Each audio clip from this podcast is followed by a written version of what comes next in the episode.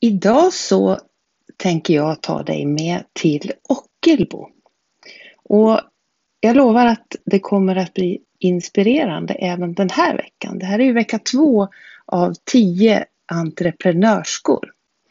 Och i Ockelbo ska du få möta Pernilla Hållén som, eh, ja, vissa människor blir man bara sådär inspirerad av och eh, det är också väldigt, väldigt roligt att lyssna på dem. Och det här mötet med Pernilla, det var precis ett sådant. Och jag ska inte prata länge nu för intervjun är ganska så lång. Jag tänkte bara hälsa dig välkommen och tala om att den här podcasten Entreprenörskan, den produceras av mig, Kiki Westerberg, och den görs i samarbete med Lider Gästrikebygden och Företagarna Gävleborg. Välkommen och mycket nöje!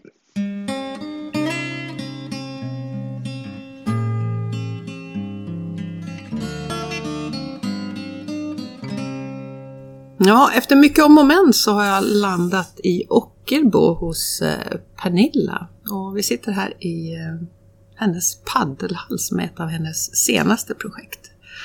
Ja, vad kul att du ville vara med och gästa den här podden Pernilla. Ja, jätteroligt ja. att få frågan, verkligen. Ja.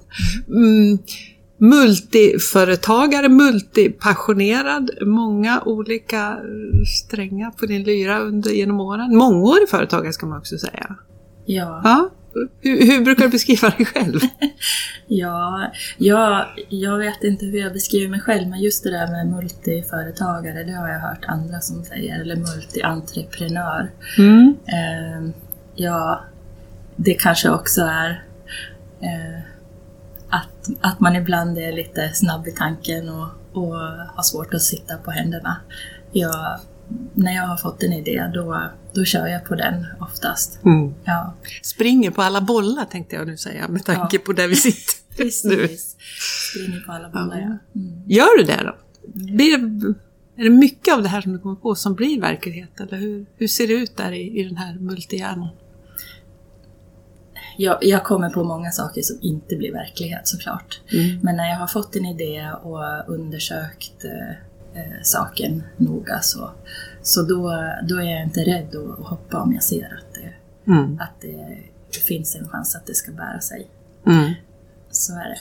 Mm. Mm. Mm. Hur, eh, om vi börjar lite från början i alla fall, hur, hur började din entreprenörsbana? Ja, jag tror att det började redan i uppväxten. Mm. Eh, jag är en av eh, fem syskon som är uppvuxen i en familj med, med arbetande föräldrar. Och ville, man, ville man ha någonting nytt, mm. någonting eget, eh, då fick man skaffa det själv. Så jag hittade sätt att tjäna ihop till en egen cykel, en egen bäddsoffa, en egen stereo mm. och så vidare och så vidare. Ända sedan jag var sju, åtta, nio år någonstans mm. så hittade jag sätten. Ja, och det kunde vara allt från att eh, sälja fröer till att klippa gräsmattan åt grannen och sitta barnvakt och, och så. Eh, jag tror att det var där någonstans som, som eh, vad ska man säga, tryggheten skapades i att, att eh, jag, jag, kan, jag kan fixa själv. Mm. Jag kan, eh, jag kan eh, jag kan liksom ta mig från idé till, till verklighet på egen hand. Och, och, det var liksom ingen som bromsade i det heller utan man fick göra liksom det, man, det man ville och brann för i vår familj. Ehm, mm. Var, var dina föräldrar entreprenörer eller? Nej, ja, på, på det sättet att de lämnade storstan till att flytta ut på landet och bygga hus och mm. skapa sig en, en liksom framtid här eh, bara de två. Mm. På det sättet var de entreprenörer. Men sen har de varit eh, yrkesarbetande anställda mm. eh, i, i liksom hela sitt liv. Men, men jag har ju entreprenörer i, i släkten bakåt. Ja. Eh, och sen, sen så eh, mitt första företag startade jag ju när jag var 22 eh, här i Ockelbo. Ett litet assistansbolag som jag startade efter att jag hade läst eh, på högskolan i Gävle. Ehm, och då läste jag social omsorg med inriktning på äldre och det man då kallar för handikappomsorg. Mm. Och sen så hade ju den här reformen om eh, rätten till personlig assistans precis eh, kommit då när jag, när jag gick på högskolan. Så då fick jag någon slags idé där om att jag skulle testa att starta ett sådant företag här i Ockelbo. För det fanns ju inte, det var närmsta var Sundsvall eller Stockholm i privat regi. Annars så hade man ju kommunen som anordnare av sin assistans. Eh, och sagt och gjort så, så på ett halvår så hade jag undersökt möjligheten och, och hittat eh, hur var det nu? Jag tror jag hade tre kunder och sju anställda från dag ett 1998. Mm. Mm. Så det, ja, det växte ju och blev... Ja, precis. Du, du säger så. Du startade ett litet företag. Mm. Det, det växte väldigt. Ja, och litet och litet. Jag tänker att för de flesta som startar företag så är ju sju anställda inte litet. Nej. Men i den världen så, så var det litet, fick jag förstå. Mm. Under de år som jag drev det bolaget så växte det ju till, ja, vad var det någonstans då? Det var i alla fall över 500 anställda. Wow! Ja. Och jag gjorde resan från att själv göra allt. Jag jobbade som vikarie, jag gjorde löner och bokföring och skötte administrationen och eh, hade anställningsintervjuer och ja, allt. Eh, till, till att jag på slutet var, efter att jag hade sålt bolaget då, så var jag anställd VD i en stor koncern. Eh, vilket var något helt annat än det, det som var det jag började i. Så det var en enorm resa att få, få vara med på. och otroligt härliga år med alla dessa underbara människor och människoöden som man fick vara en del i och i någon mån göra skillnad. Mm. Mm. Eh, vad är det som är så speciellt, eller är det inte det, med att vara entreprenör överhuvudtaget, tänker du? Ja, för mig tror jag att det är friheten. Det är lite spännande för de flesta. Jag jobbar ju med entreprenörer eh, har gjort under alla mina år. Och frihet är liksom ett ord som kommer tillbaka. Eh, men vad jag upptäckte är att det betyder väldigt olika saker. De, många säger frihet, men man gräver lite djupare. Så vad, vad består din frihet i? Vad, vad är det frihet till? Eller? Någonstans Frihet är ju som sagt mycket, många olika dimensioner i det begreppet men det här är någonstans en frihet i först och främst i, i tanken. Att jag, jag kan sitta här nu och få en idé och jag behöver inte gå till någon och fråga om jag får undersöka den, om jag kan få en budget för att jobba med och titta på om, om det är en hållbar idé eller inte. Utan jag kan bara direkt gå på idén och kolla runt lite, läsa på lite, lägga de resurser jag själv ser att jag har på att jobba på idén tills jag har, kan, har liksom kommit fram till om det är en en hållbar idé eller inte. Mm. Om jag har stöd för idén eller inte. Um, på det sättet är det en frihet. Sen är det också en fri, friheten i att bygga en organisation på det sätt som, som jag tror på. Eh, inte behöva sitta fast i, i liksom ramar som någon annan har ställt upp. Jag har bland annat försökt att bygga organisationer så att den inte ska vara så beroende av mig som person hela tiden och på så sätt har jag också skapat, försökt att skapa en frihet för mig att en frihet, vad ska man säga, över, över min tid. Att kunna välja på vilken plats jag befinner mig när jag eh, jobbar. Mm. Att kunna välja vilka tider på dygnet som passar mig att jobba och, mm. och sådana saker. Samtidigt som det också naturligtvis i allt entreprenörskap följer ett stort, stort ansvarstagande om man ska lyckas. Så det är inte som att det är en lek eller så. Eh, utan det är ju ett jobb med, som kräver ofta väldigt, väldigt mycket mer i form av tid av en person som entreprenör. Mm. Att, att ha ett jobb som man går till och sen går man hem. Mm. För man går ju aldrig hem liksom, från, från det här jobbet som jag har. Och jag kan tänka mig att åtminstone uh, under de här åren med, med assistansen, det, för det är ju dygnet runt. Visst var det väl så att det var ett Jo. dygnet runt uppdrag? Ja. Och Inte bara dygnet runt utan liksom både lördagar, söndagar och allting. Ja. Mm. Hur, hur håller man gränser där? ja, Eller håller du gränser? ja. Mm. I början hade jag ju företaget eller kontoret hemma. Mm. Och det såg jag ju efter en tid att det, det var bättre att inte ha kontoret hemma. Mm.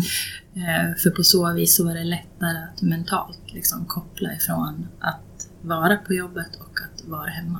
Mm. Och i ett sånt eh, eh, personaltätt eh, företag så, så när jag var på jobbet så då krävdes det ju verkligen att jag var på jobbet, hela jag, närvarande och en god ambassadör och, och allt det här. Så där, där blev det allt viktigare att liksom ha de gränserna mellan hem eller privat och jobb. Och sen, sen så... Jag, jag delegerade ansvar på många personer i företaget som kunde ha jourtelefonen till exempel. Den delade vi på för att om jag alltid skulle vara den som svarar när det var någon akut fråga från en anställd eller en kund Mm. eller en närstående så skulle jag ju aldrig få känna att ja, men nu kan jag gå på fest ikväll eller nu kan jag sitta här och eh, bygga lego med mina barn utan att bli störd av en telefon som ringer. Så på det sättet så byggde jag liksom strukturer som gjorde att ehm, jag inte alltid behövde vara den första som tog i, i frågorna. Mm. Men, men någonstans hände det en, en, en större incident, då, då var det bara att kliva in. Mm. Ja. Mm. Så på det sättet så var man ju aldrig riktigt ledig. Mm. Men jag försökte ändå bygga liksom organisationen på så vis att jag kunde jag kunde känna mig ledig. Mm. Både längre och kortare stunder. Mm. Mm. Det är många mindre företagare, om man nu säger kanske soloföretagare och så, som just det här Mm. att anställa och att vara en ledare, Mm. eh, att det känns som en utmaning. Hur har du tänkt där? Du brakar igång på en gång. Det, det här med ledarskap, vad, vad, Mm. har du något bra tips där? Oj. Ja. Jag har ju aldrig varit rädd för det eller tyckt att den uppgiften har känts eh, eh, läskig. Eh, tips när det gäller det? Nej men alltså en, en god ledare tänker jag har en, en bra dialog med sina anställda. Man Mm. finns där för dem. Eh, till en gräns då naturligtvis, för vi är ju inte kompisar utan vi är chef och kollega. Ja. Jag tänker att det, det är bättre att ta hjälp av andra och att våga också anställa personer som kanske är bättre än du på, på uppgifterna som du behöver hjälp med. Mm. Utan att känna det som ett hot, utan välkomna människor med, med olika typer av kompetenser. Mm. Eh, och ha skoj tillsammans med dem så tänker jag att det löser sig. Mm. Mm. Mm. Ja, då kan företaget liksom växa och utvecklas. Mm. Mm. Och det gjorde det. Det utvecklades ju rejält. Vad, vad, Du sålde, Ja. var det 2019? Var det så? Oj, de, de här årtalen. Ja, någonstans där i alla eh, eh, 20... Ja, det var där vid årsskiftet 2018-2019 måste det ha varit. Mm. Mm. Och vad var det som hände? Det var, det var livet tror jag. Och, och tiden. Jag hade då jobbat med assistansen i princip bara i hela mitt eh, vuxna yrkesverksamma liv. Mm. Den hade utvecklats från någonting till något helt annat under de åren. Ehm, i början upplevde jag att det var verkligen en frihetsreform för människorna som hade rätt till assistans. Och mot slutet så var, blev det så kontrollerat att det var svårt att göra det riktigt bra.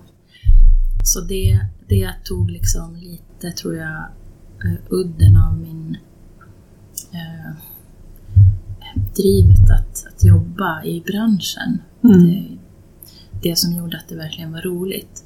Och parallellt med det så var det livet. Jag och min uh, dåvarande man hade separerat och vi, han, han och jag ägde ju, alltså jag ägde företaget men vi var gifta och, och skulle dela på, på allt, hus och hem och företag. Och han hade ju jobbat nära mig i företaget mm. i princip i alla år. Så mm. att vi var överens om att hälften var hans. Mm. Ehm, för vi hade lagt lika stor del av våra liv i mm. det här företaget. Ehm, men när vi skulle dela på det så, så var det ingen av oss som riktigt kände att, att vi ville göra den här resan själv. Så vi, ja. och, och vi kände ju också att eftersom energin mellan oss inte riktigt fanns där längre så var det svårt att, att driva det vidare tillsammans. Mm. Så då bestämde vi oss efter, efter många om och men och långa samtal om att, att sälja företaget mm. skulle ändå vara det bästa för företaget. Mm. Eh, och och då blev det, då blev det en stor koncern som vi kände, kände väl till då och kände var en, en, ett bra alternativ som, mm. som vi vände oss till. Då. Mm. Och de var intresserade på den resan, på den vägen är det. Mm. mm. Hur kändes det där att liksom sälja sitt, nu var det knappast en bebis längre för då har du kört i många år, men ändå, mm. eh, din skapelse, hur, eh, mm. hur kändes det? Ja, både sorgligt och, och skönt på något sätt. Mm. För samtidigt som, som det, det liksom var min skapelse så um, som jag hade väldigt mycket liksom, goda känslor kring så hade det också blivit en väldigt stor uh, börda att bära hela det företaget på på egna axlar. Mm. Eh, att få ingå i något större som hjälpte till att bära kändes faktiskt ganska skönt efter en tid. Mm. Men i början såklart, usch. Vad många nätter man låg vaken och, mm. och vred och vände och tänkte och funderade. Mm. Och sen så det här att sälja ett företag, man får inte prata med någon heller. Det var ju otroligt svårt att inte få berätta ja, ja. det. Nej, att, det, du... att, vi, att jag går i de här tankarna och ja. det, vad tycker du? Mm. Mm. Det var ju han och jag då som, som visste om det här. Ja. Som fick veta. Tills det var klart. Så det är också, det är också svårt. Det är en svår del i entreprenörskapet och företagandet. När man kommer till de besluten så är det inte så många man kan ventilera de frågorna med. När man kommer så långt. Men, eh, mm, ja. Jag, jag, jag blev ju och jobbade kvar som, som vi hade i två år. Och när det första året där så kände jag att det var så otroligt roligt. Ja, det blev som en nytändning för mig att få... Få en anställning liksom. Få prova på att vara anställd. Det hade jag ju liksom inte knappt gjort sedan jag var tonåring. Eh, ha en chef, ha kollegor att bolla frågor med, för det fanns ju många eh, fler bolag i den koncernen där det fanns VD som jag kunde eh, bolla frågor med och så. Och det var ett forum som, som var otroligt eh, nyttigt att få finnas med i och lära sig att leda i en sån organisation och mm. hela det här förändringsarbetet som var kring att, att bara liksom offentliggöra att vi ska sälja företaget och, och allt det kring det. Jag tyckte det var otroligt roligt under ett år. Men sen kom det här tillbaka till mig, känslan av att, att jag inte riktigt längre eh, brann för det jag gjorde. Mm. Så som det hade utvecklats. Och då bestämde jag mig efter en lång sommarsemester att det här, det här ska jag inte göra längre. Mm. För det här gör jag inte bra när jag inte riktigt brinner för det, det jag ska göra. Mm. Det var ett jättesvårt beslut. För då blev det ju verkligen definitivt att jag skulle lämna det här. Lämna allting ja. Ja. Mm. ja. Det var jättetufft. Och vad var jag då? Kan jag någonting annat än det här? Nej, det trodde jag inte. Du tänkte så? Ja, ja. jag trodde inte det. Så vad hände? Vad gör du idag? Ja. Om vi börjar där, hur ser det ut idag, din, din entreprenörs... Ja, vad del? gör jag idag? Mm.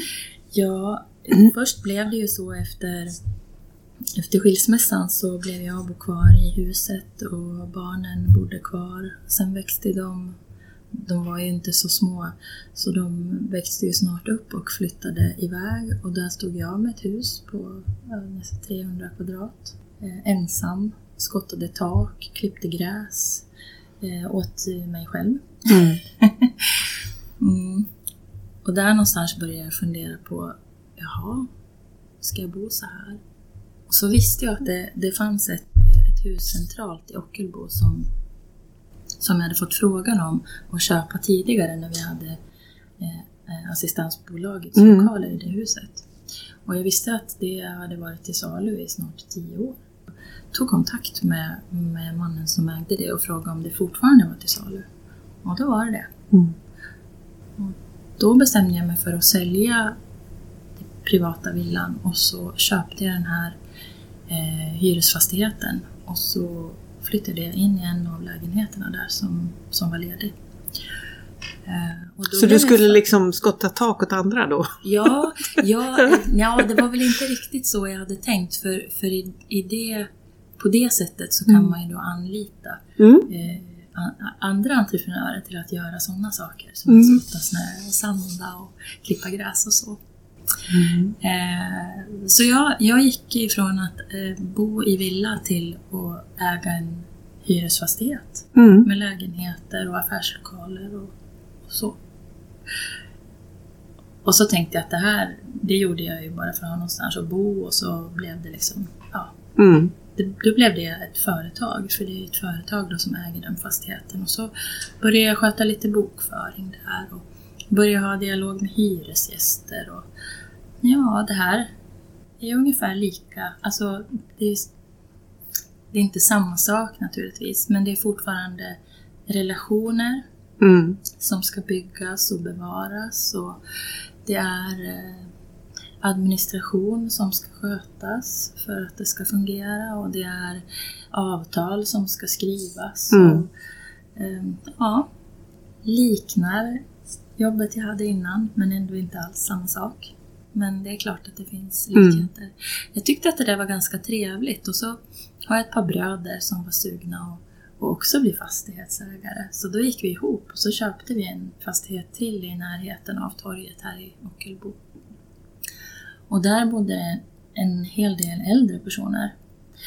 Eh, och när vi tog över fastigheten så satte vi, eh, fixade vi sådana odlingslådor på, på gräsmattan som de fick eh, använda om de ville och människorna i huset började hitta ut och sitta och fika på en mm. bänk som vi satte upp också på gräsmattan. Och det blev trevliga samtal och, och lite mer rörelse och jag började känna så här att det här, på det här sättet kan man också göra skillnad. Mm. Även om det är kanske i, i det lilla, mm. så kan man ändå som fastighetsägare göra en skillnad för människor. Parallellt med det pluggade jag eh, lite juridik pandemin kom så jag satt hemma då på distans och pluggade juridik på Uppsala universitet. Lärde mig om fastighetsrätt och avtalsrätt och upp, fräschade upp en hel massa sådana kunskaper. Och så var det någon eh, kompis till mig, eller om det var Jo, det var någon kompis som frågade, vill du följa med och spela paddel? ja. Paddel, sa mm. jag. Ja, jag har inget bollsinne kunde inte ens ta emot en tennisboll med handen om man kastade den till mig. Eh, spelade basket en termin i årskurs två. Var urkass. Duckade för alla bollar på gympan.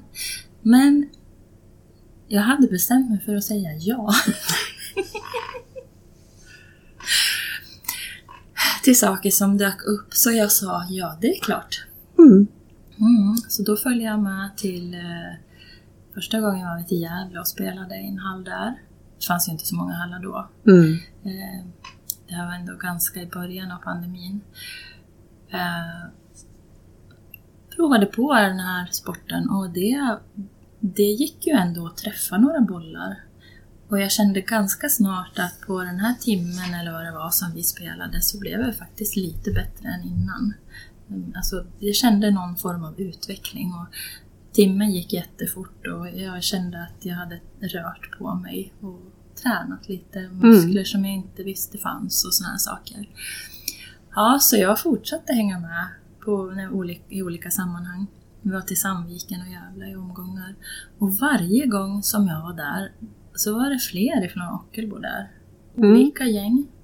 Som då ofta hade suttit i varsina bilar och åkt 45 minuter till en timme. Parkerat, tagit sig in, spela i mellan en och två timmar och sen hem. Det, det går liksom en halv dag på det när man Mm. bor i Ockelbo. Eh, plus att de liksom har hittat en tid som passar alla. Så på något sätt så måste ju det här vara lite intressant för människor, tänkte jag. Mm. Och så började jag fundera på varför gör vi det här? Varför gör vi inte det här hemma istället? Då skulle ju många fler kunna vara med också. Mm. Ja. Och där var en idé född. Och nu sitter vi här Ja. i, och det är där vi spelar in i den här 10 meter höga så ekar det lite grann så vet vi vad det beror på. Ja. Ja. Mm.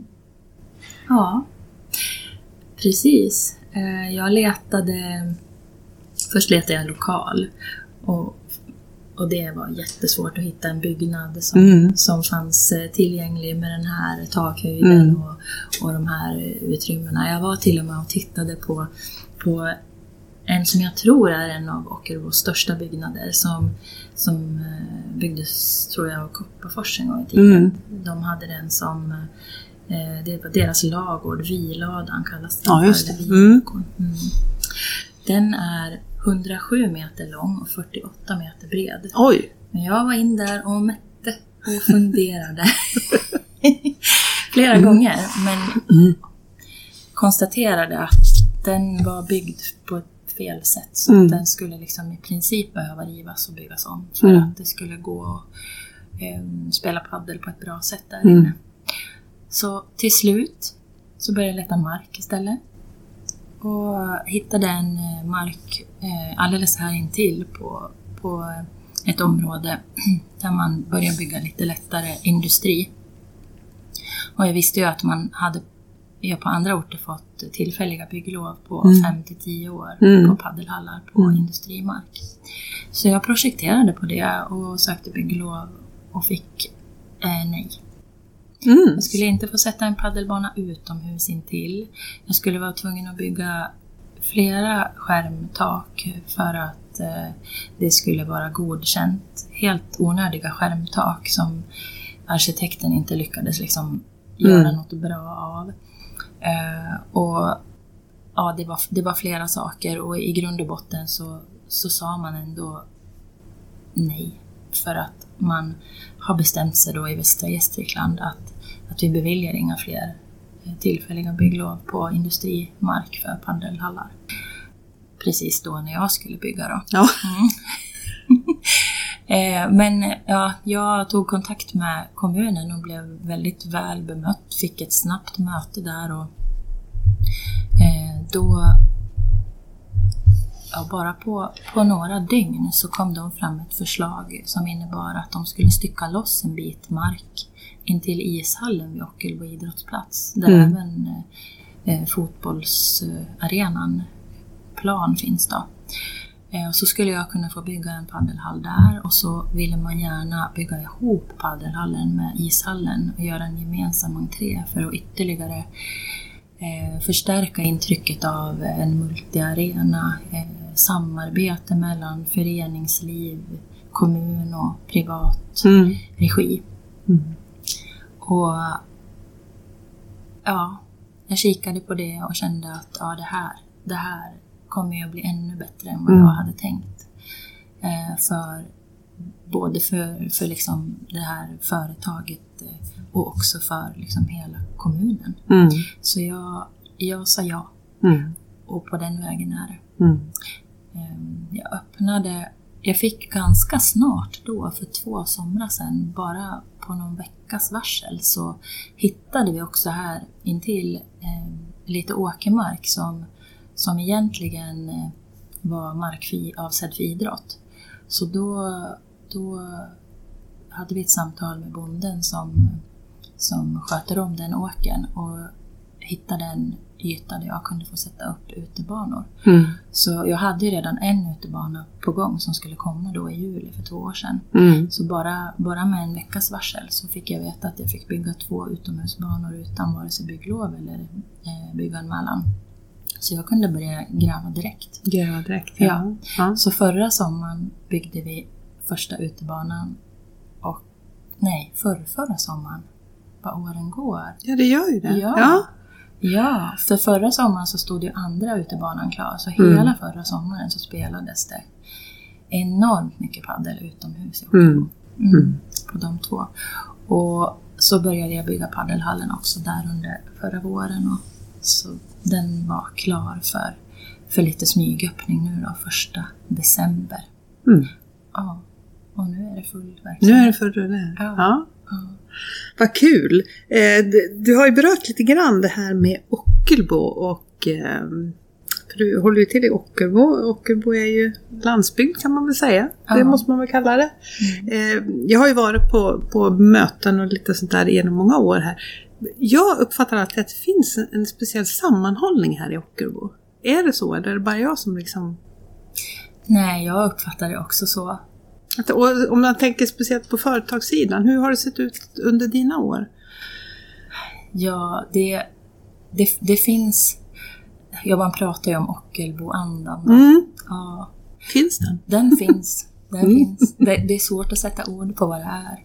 Men det sitter liksom aldrig fast på något sätt. Om man har ett problem så kontaktar man någon Mm. som man känner som driver ett företag i, i när. Det behöver inte ens vara i det gebit man söker hjälp inom utan det kan vara vilken företagare som helst. Och Mm. så kommer den upp med, med fyra, fem olika alternativa namn och så ringer man dem och så, och så hjälps man åt. Mm. Man får tips och råd och hjälp och, och nej, det sitter inte fast. Det finns, en, det finns liksom en vilja att eh, ställa upp för varann.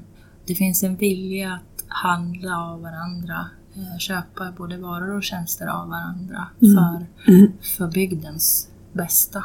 Mm. Jag vet, jag vet inte när det här började och varför det blev som det blev, men jag tror att det, det går långt tillbaka i tiden. Mm. Det sitter i generna. Ja. Mm. Mm. Eller i, kanske i luften. Man vet Kanske inte. i luften. Och det, jag ser ju det nu också i, i, i och med padden här. Här ser jag ju verkligen att jag kan göra skillnad för människor. Det är sånt otroligt man, säger, man, man tar hand om varandra så otroligt väl. Man bjuder in varandra, man välkomnar nya, man hjälps åt och vill verkligen liksom ha skoj tillsammans. Sen, sen eh, korpfotboll och, och eh, folkparker började dö ut så tror jag att vuxna människor och egentligen även ungdomar och äldre, vi, vi har saknat liksom en plats att mötas eh, kravlöst och bara, bara vara. Och, och, och här, här händer det igen. Det är okej att vara ny. Det är okej att inte kunna. Det är okej att börja bli lite bättre. Det är, man, det är okej att ha barnen med. Det är okej att vara lite äldre och stapplig och få ha två studsar istället för en. Det, ja, det har blivit ett, eh, en plats där, där vi möts över generationer och över um, alltså det är alla möjliga olika typer av människor, både introverta och extroverta. Och, uh, ja, det är jättehäftigt att se vilken sammanhållning det, vi bygger här tillsammans. Ja. Mm. Så frihet, att det här som du har beskrivit, frihet, det har varit en drivkraft. Mm. Kan du se någon annan drivkraft som gör att du, Ja, Att du gör det du gör. Att göra skillnad. att göra skillnad? Mm. Det ger mig så mycket kickback. Mm. När jag ser att jag gör skillnad. För det behöver bara vara för en enda människa. Mm. Så lever jag på det länge. Häftigt. Mm. Eh, du, jag har några sådana här korta frågor som jag ställer till alla i den här serien. Mm. Det här gör mig förvånad. Vad gör dig förvånad? Jag, fortfarande när människor inte är snälla mot varandra så blir jag förvånad. För jag, är, jag tror inte det om någon. Mm.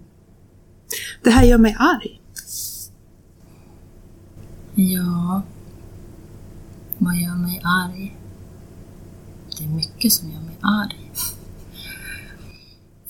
Men jag tror nog att det som gör mig mest arg, det är när jag inte blir trodd. Mm. När någon tror att jag hittar på eller inte säger sanningen. Mm. Då blir jag arg. Mm. Mm. Och när blir du glad då? Jag blir glad när andra människor är glada Mm. mm, och mår bra. Eh, och vem skulle du vilja lyfta som har hjälpt dig längs vägen då? Nu får du välja vilken väg du vill för eftersom din väg är ganska lång. Men Är det någon speciell som dyker upp? Ja, jag kan, jag kan lyfta min eh, lärare i, när jag gick på högstadiet. Som när jag började tappa stinget där någon gång i början av årskurs åtta tror jag. Eh, och eh, inte engagerade mig så mycket i skolan och så som jag borde. Så tog han in mig och hade ett samtal. Och jag vet, eh, jag, jag minns att han sa Behåll din karma så kommer det här att gå bra. Mm. För jag vet att du kan. Wow. Och den sitter kvar? Mm. Mm. Den kommer aldrig att gå ur. Ja. Så vi vuxna betyder mycket för eh, ungdomarna. Mm. Och det blir av dem Mm. I slutändan tror jag. Mm. Vad gör du om 5-10 år? Oj, då har jag säkert något nytt projekt på gång. Mm. Ja, jag, jag trodde eh, under de första 20 åren av min, mitt yrkesverksamma liv att jag, jag skulle vilja eh, lugna ner mig och, och gå i pension lite tidigare än andra och sådär, men det tror jag inte längre. Jag tror att jag kommer att vilja ha projekt. De kanske inte kommer att vara lika stora som att bygga en paddelhall, men, men jag tror att jag kommer att ha nya idéer som jag vill testa. Mm. Mm. Mm. Så jag kommer nog att jobba på i 5-10 år till, Mm. minst. Det låter ju kul. Eh, den här närmsta tiden, vad, vad har du för dig höst, här, vintern? Liksom, vad, vad... Ja, ja men nu, alltså nu kör vi ju igång omgång 6 av seriespelet i paddelhallen. Vi har Mm. 60 lag Oj. som jag ska försöka schemalägga det närmsta dygnet. Så jag, och jag förstår inte riktigt hur jag ska få till det, men det kommer vi att lösa. Mm. Eh, och det är massor av andra spännande aktiviteter på gång här.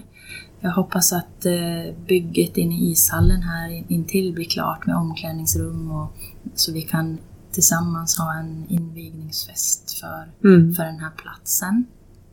Eh, jag hoppas att jag kommer att få vara lite delaktig i öppningen av lägerboendet för barn och ungdomar som byggs här och föreningarna intill. Mm. Vilket också kommer att bli otroligt spännande. Ehm, och sen så har jag, ja, nej men det finns hur mycket som helst att jobba med under hösten. Det ska bli spännande. Mm. Tar du aldrig semester? Jo, eh, jag, jag är ledig nu och då. Mm. Ja, Det händer. ja, jag ska åka med min bror och hans familj eh, om en vecka och, och vara lite ledig. Mm. Och det behöver jag också göra ibland därför att är jag hemma i Ockelbo då, då har jag svårt att, att ta det lugnt. Mm. Mm. Då jobbar jag nästan varje dag. Mm. Mm. Otroligt kul att få möta dig och eh, allt du har gjort och allt du kommer att göra. Eh, jag kan bara säga lycka till och tack så- så mycket för att du ville vara med i podden. Tack så jättemycket.